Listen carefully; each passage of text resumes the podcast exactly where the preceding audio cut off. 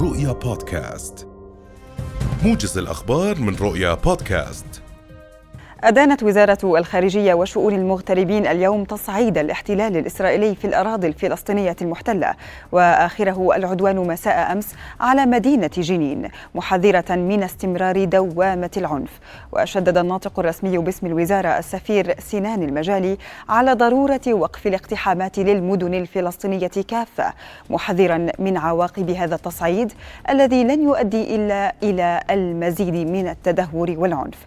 كما شدد أيضا على ضرورة تحرك المجتمع الدولي بشكل فوري وفاعل لوقف هذا التصعيد وتوفير الحماية للشعب الفلسطيني في الأراضي المحتلة. واستشهد أربعة فلسطينيين وأصيب ثلاثون آخرون على الأقل برصاص قوات الاحتلال الإسرائيلي خلال اقتحامها مخيم جنين.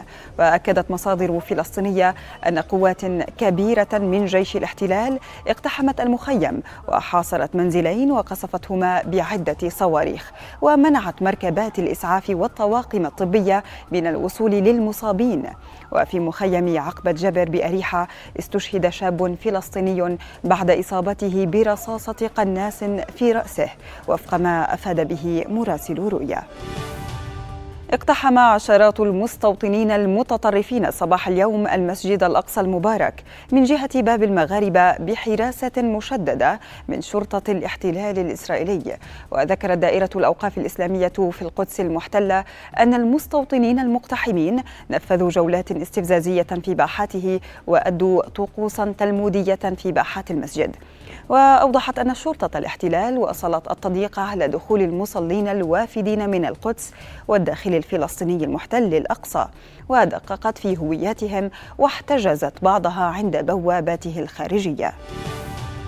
تعقد محكمة أمن الدولة اليوم أولى جلسات محاكمة النائب السابق عماد العدوان وثلاثة عشر متهما آخرين. وأحال المدعي العام للمحكمة في وقت سابق القضية للمحكمة وأسند للمتهمين تهم تصدير أسلحة نارية بقصد استخدامها على وجه غير مشروع بالاشتراك. وأسند النائب العام للمتهمين جريمة بيع أسلحة نارية بقصد استخدامها على وجه غير مشروع والشروع بتصدير أسلحة نارية بقصد استخدامها على وجه غير مشروع بالاشتراك والقيام بأعمال من شأنها الإخلال بالنظام العام وتعريض أمن وسلامة المجتمع للخطر بالاشتراك. قال مدير مديرية العمليات الانتخابية في الهيئة المستقلة للانتخاب ناصر الحباشنة إن نظام تقسيم الدوائر الانتخابية الجديد يختلف بشكل كامل عن النظام المعمول به في انتخابات عامي 2016 و2020 إذ تم تقسيم المملكة إلى دائرة انتخابية عامة خصص لها 41 مقعدا للأحزاب و18 دائرة انتخابية للمحافظات. وأضاف الحباشنة لرؤية أن الانتخابات المقبلة ستكون مختلفة إذ ستكون القائمة الحزبية مكونة أو مكونا جديدا في البرلمان القادم إلى جانب اختلاف آلية الترشح وبحسب الحباشنة فإن القوائم الانتخابية تتضمن أسماء المغتربين الأردنيين ويستطيع الناخب المغترب تغيير دائرته الانتخابية وفق التعليمات الناظمة بهذا الخصوص. قال المتحدث باسم الجيش الوطني الليبي أحمد المسماري إن مركز مدينة درنا بالكامل أصبح في البحر بعد الفيضانات التي اجتاحت البلاد. وأضاف المسماري في مؤتمر صحفي أن المدينة فقدت جميع أسواقها ومقراتها الإدارية فضلا عن دمار معظم الطرق.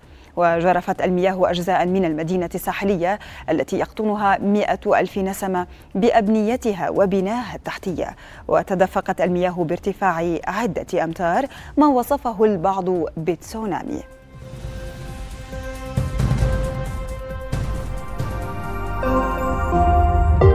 رؤيا بودكاست.